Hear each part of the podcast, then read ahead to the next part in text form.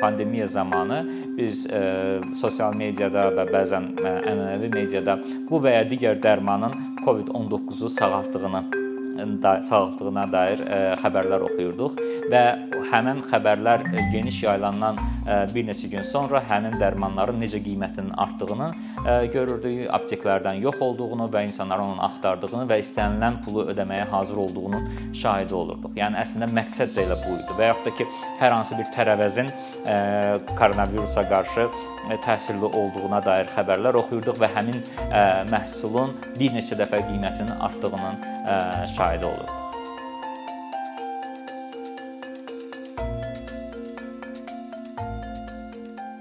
İnsanların informasiya çıxışı və onu yayması indiki qədər rahat olmayıb. Bu birinci növbədə insanlara müəyyən üstünlüklər verir imkanlara yol açır. Bunlar arasında mən insanların xəbərlərdən, xəbərlərlə yaxından tanış olmaq imkanı, insanların başqalarının Azərbaycanda və dünyada baş verən proseslərlə bağlı rəylərini, fikirlərini öyrənmək imkanı, öz fikirlərini ifadə etmək imkanı, öyrənmək və biznes qurmaq imkanı verir. Və başqalarının da bir növ biznes təşəbbüslərindən tez-tez məlumat almaq imkanı verir. Bu işin müsbət tərəfidir. Amma eyni zamanda informasiyaya çıxışın rahat və onun yayılmasının rahat olmasının mənfi tərəfləri də var. Bəzi problemlərlə müşahidə olunur məsələn. Müxtəlif deməli ənənəvi mediada, onlayn mediada, xüsusilə də sosial mediada və özəl chat vasitələri ilə WhatsApp və Messenger kimi yanlış məlumatlar da yayılır və bu yanlış məlumatlar insanları yanlış istiqamətləndirir, onların əhvalına mənfi təsir göstərir, əsassız ümidlər verir və insanlar da bəzən bilmərəkdən bu məlumatları paylaşdıqca bu narahatlığı, bu problemləri bir növ başqalarına da yaşatdırır. Şişirtmədən deyə bilərik ki, hal-hazırda biz informasiya müharibəsi şəraitində yaşayırıq. Çox güman ki, hər kəs son vaxtlar tez-tez infodemiya sözünü eşidir. Bu informasiya və pandemiya sözlərindən formalaşmış yeni bir termindir. Düzdür, ilk dəfə 2003-cü ildə istifadə olunmuşdu bu termin, amma 2020-ci ildə koronavirus pandemiyası zamanı daha tez-tez bu terminə istinad olundu. Niyə? Çünki biz gördük ki, informasiya virusdan daha tez yayılır və yanlış informasiya, yanlış məlumatın virusdan daha böyük zərəri var insanları çaşdırır, insanların yanlış seçim etməyə bir növ istiqamətləndirir və bütövlükdə həm insanlar, həm də cəmiyyət bundan əziyyət çəkir. Və məsələ qlobal olduğuna görə mən pandemiyanı nəzərdə tuturam. Müzakirələr də qlobal xarakter alıb. Və bilirsiniz, belə bir durumda kommunikasiya işini görmək, müəyyən bir coğrafiyanı hədəfləyib kommunikasiya işini görmək və onu sonra qiymətləndirmək çox çətin olur. Niyə? Çünki bizim hədəflədiyimiz, hə, hədəf götürdüyümüz insan qrupu bir coğrafiya ilə kifayətlənmir. Yəni müzakirələr yalnız bir coğrafiya çərçivəsində baş vermir. Məsəl üçün Azərbaycanı götürək. Azərbaycanda sosial sosial media istifadəçiləri rus dillilər deyək sosial medianın rus dili seqmentində olan insanlarla sıx fikir mübadiləsi aparır, müzakirələr aparır və biz rus dili seqmenti deyəndə demək olar ki, keçmiş Sovet respublikalarını nəzərdə tuturuq. Eyni zamanda Azərbaycan vətəndaşları Azərbaycan dilinin türk dilinə çox yaxın olmasına görə türk dili seqmentində də çox fəaldılar. İştirak etməsələr belə onların söylədikləri fikirlərdən təsirlənirlər və onların da bir növ fikirlərini alırlar. Eyni zamanda Azərbaycanda ingilis dilində danışan insanların sayı artır və onlar həm də qlobal deyək miqyasda ə, e, müzakirələrdə iştirak eləyirlər və bir növ onlardan da təsirlənirlər. Bu yaxınlarda bir nümunə deyim mən sizə. Ə, bu Economist jurnalı Bill Gates-lə bağlı bir məqalə paylaşmışdı Facebook səhifəsində. Mən orada gördüm ki, Azərbaycan vətəndaşları necə Braziliyadan olan ə, deyək istifadəçilərlə pandemiyanı müzakirə eləyirlər və öz ə, fikirlərini bölüşürlər. Yəni bu qədər qlobal xarakter daşıyır bu müzakirələr.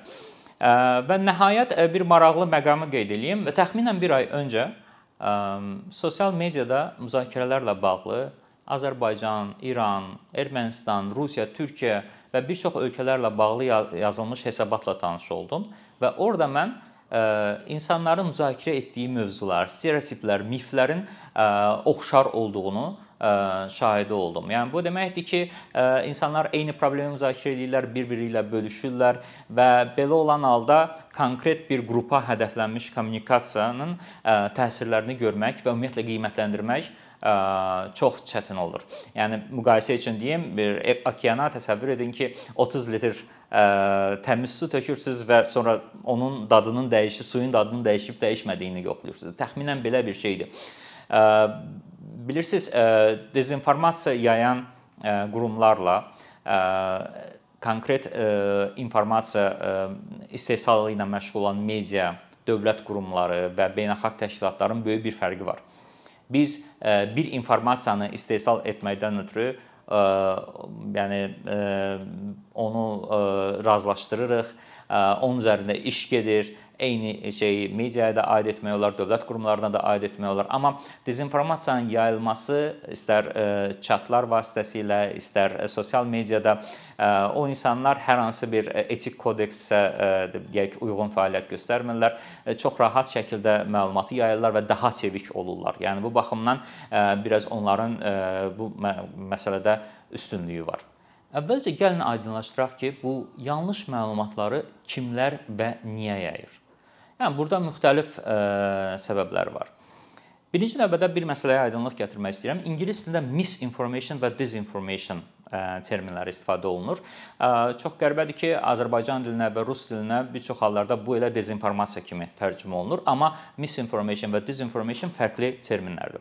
Misinformation yanlış məlumatın bilməyərəkdən yayılmasına, Dezinformation isə dezinformasiya bizim istifadə etdiyimiz yanlış məlumatın bilərəkdən yayılmasına deyilir. Yəni bu baxımdan ə, təəssüf ki, biz daha çox misinformationa, yanlış məlumatın bilməyərəkdən yayılmasına ə, biz ə, şahid oluruq. Çünki çox zamanlar insanlar sadəcə emosional ə, zəmində hansı hər hansı bir xəbəri görüb, onu dəqiqləşdirmədən, onun hansı mənbəni yaymasını müəyyənləşdirmədən ə, bölüşürlər və ə, bir növ o yanlış məlumatın daha çox yayılmasına bir öz töhfəsini verirlər. Dezinformasiya isə daha çox təşkil olunmuş xarakter daşıyır və bunun müxtəlif məqsədləri ola bilər. Burada siyasi məqsəd ola bilər, istər xarici, istər daxili siyasət.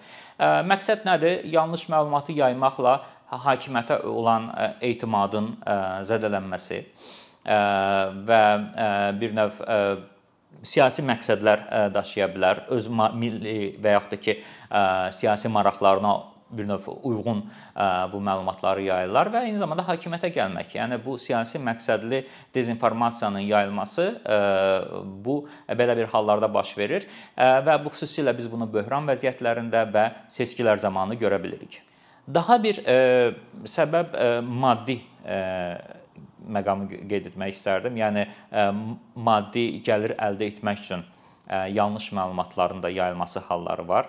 Misal üçün elə pandemiya zamanı biz e, sosial mediada və bəzən ənənəvi mediada bu və ya digər dərmanın COVID-19-u sağaltdığını da sağaltdığına dair e, xəbərlər oxuyurduq və həmin xəbərlər e, geniş yayılandan e, bir neçə gün sonra həmin dərmanların necə qiymətinin artdığını görürdük, apteklərdən yox olduğunu və insanların onu axtardığını və istənilən pulu ödəməyə hazır olduğunun şahidi olurduq. Yəni əslində məqsəd də elə bu idi. Və yaxud da ki, hər hansı bir tərəvəzin koronavirusa qarşı təsirli olduğuna dair xəbərlər oxuyurduq və həmin məhsulun bir neçə dəfə qiymətinin artdığının şahidi olurduq.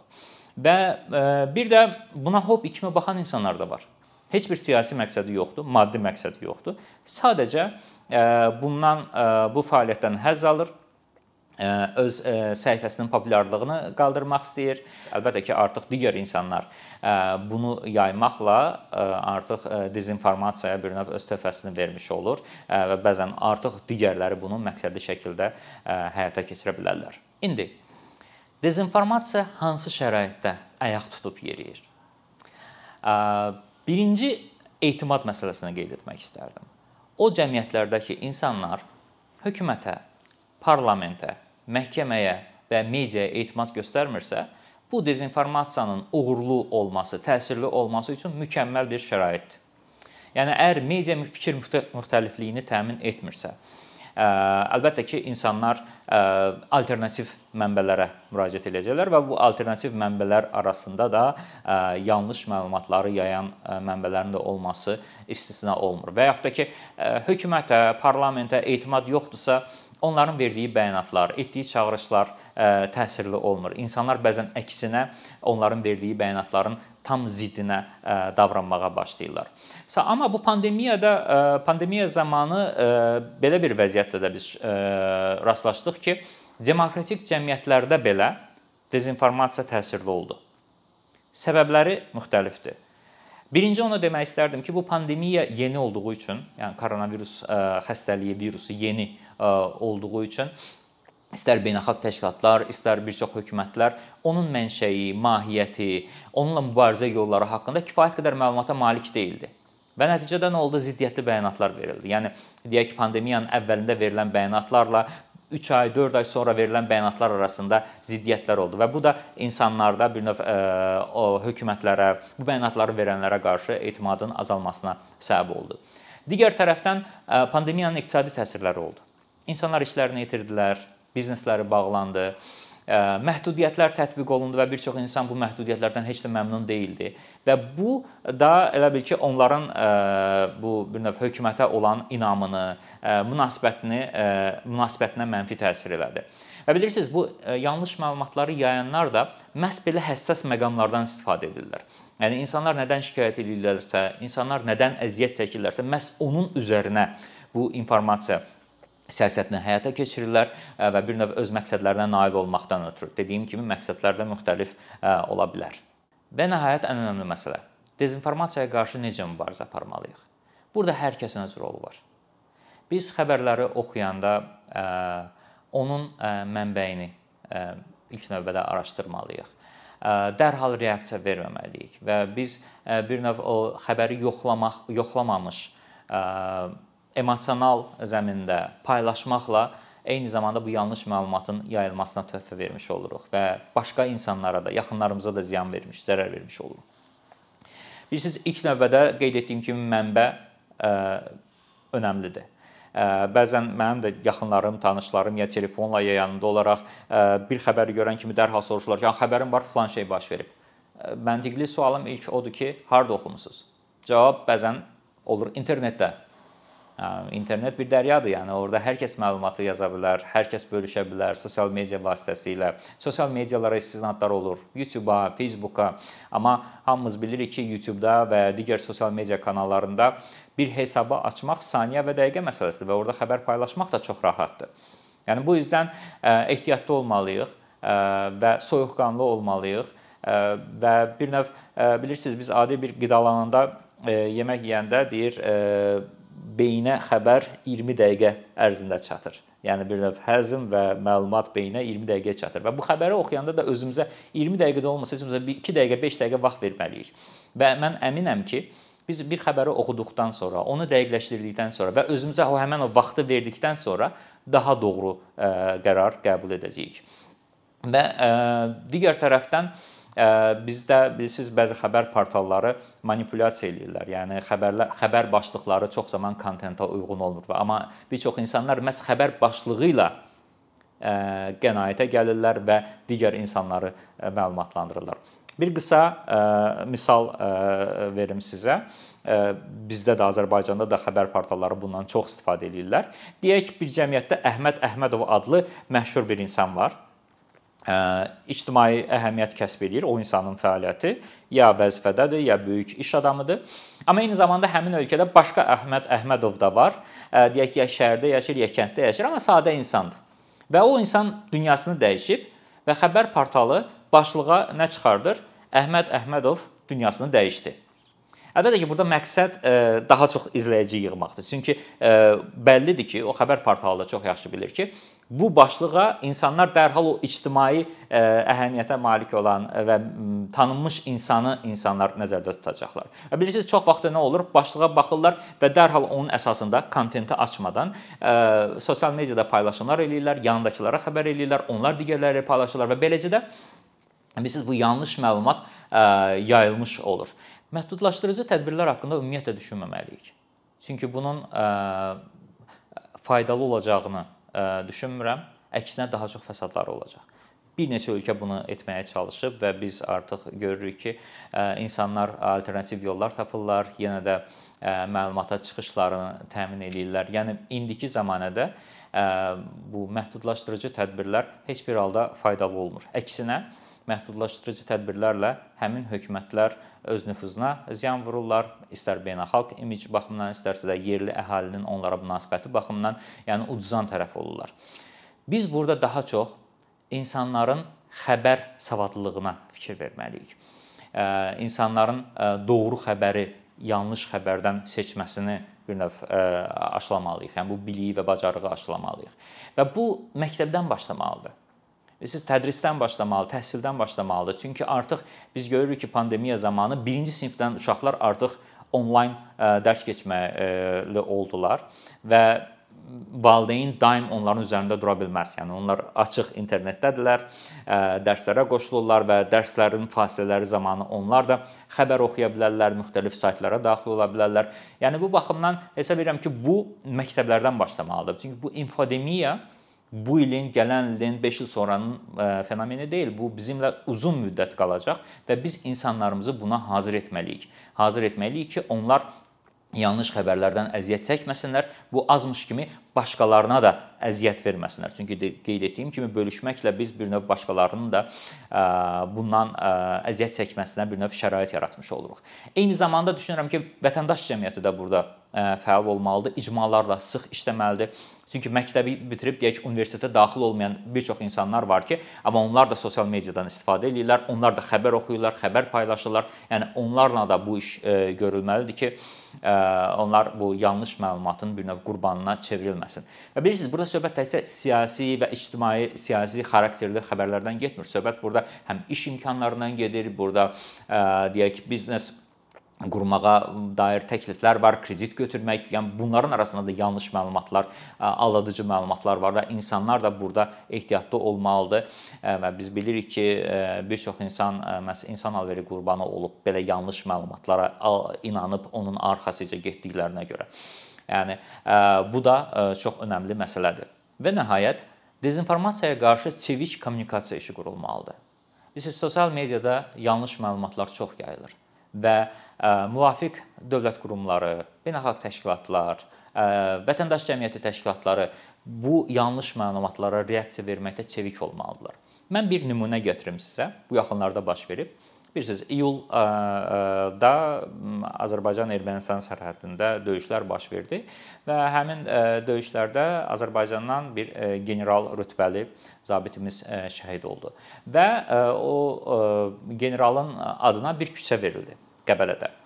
Həm həmin qərarın verildiyi gün sosial mediada bir xəbər paylaşıldı ki, həmin o küçə başqa bir generalın adına olan küçə imiş. Onu elə bil ki, adını dəyişib bu generalın adına verilib.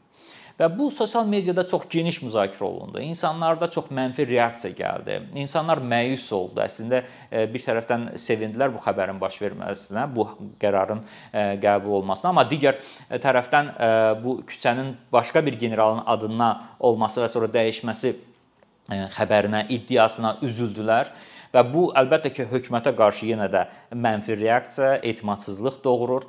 Və yalnız bir gün sonra həmin müvafiq icra hakimiyyəti e, elan e, xəbər yaydı ki, bu tamam başqa-başqa küçələrdir. Xəritədə də göstərdi ki, doğrudan da bu e, yəni həmin insanların iddia etdiyi kimi deməli başqa bir küçənin yerinə yaradılmış küçə deyil. Yəni o küçə yerində qalır, bu isə fərqli istiqamətdə yaranmış küçədir.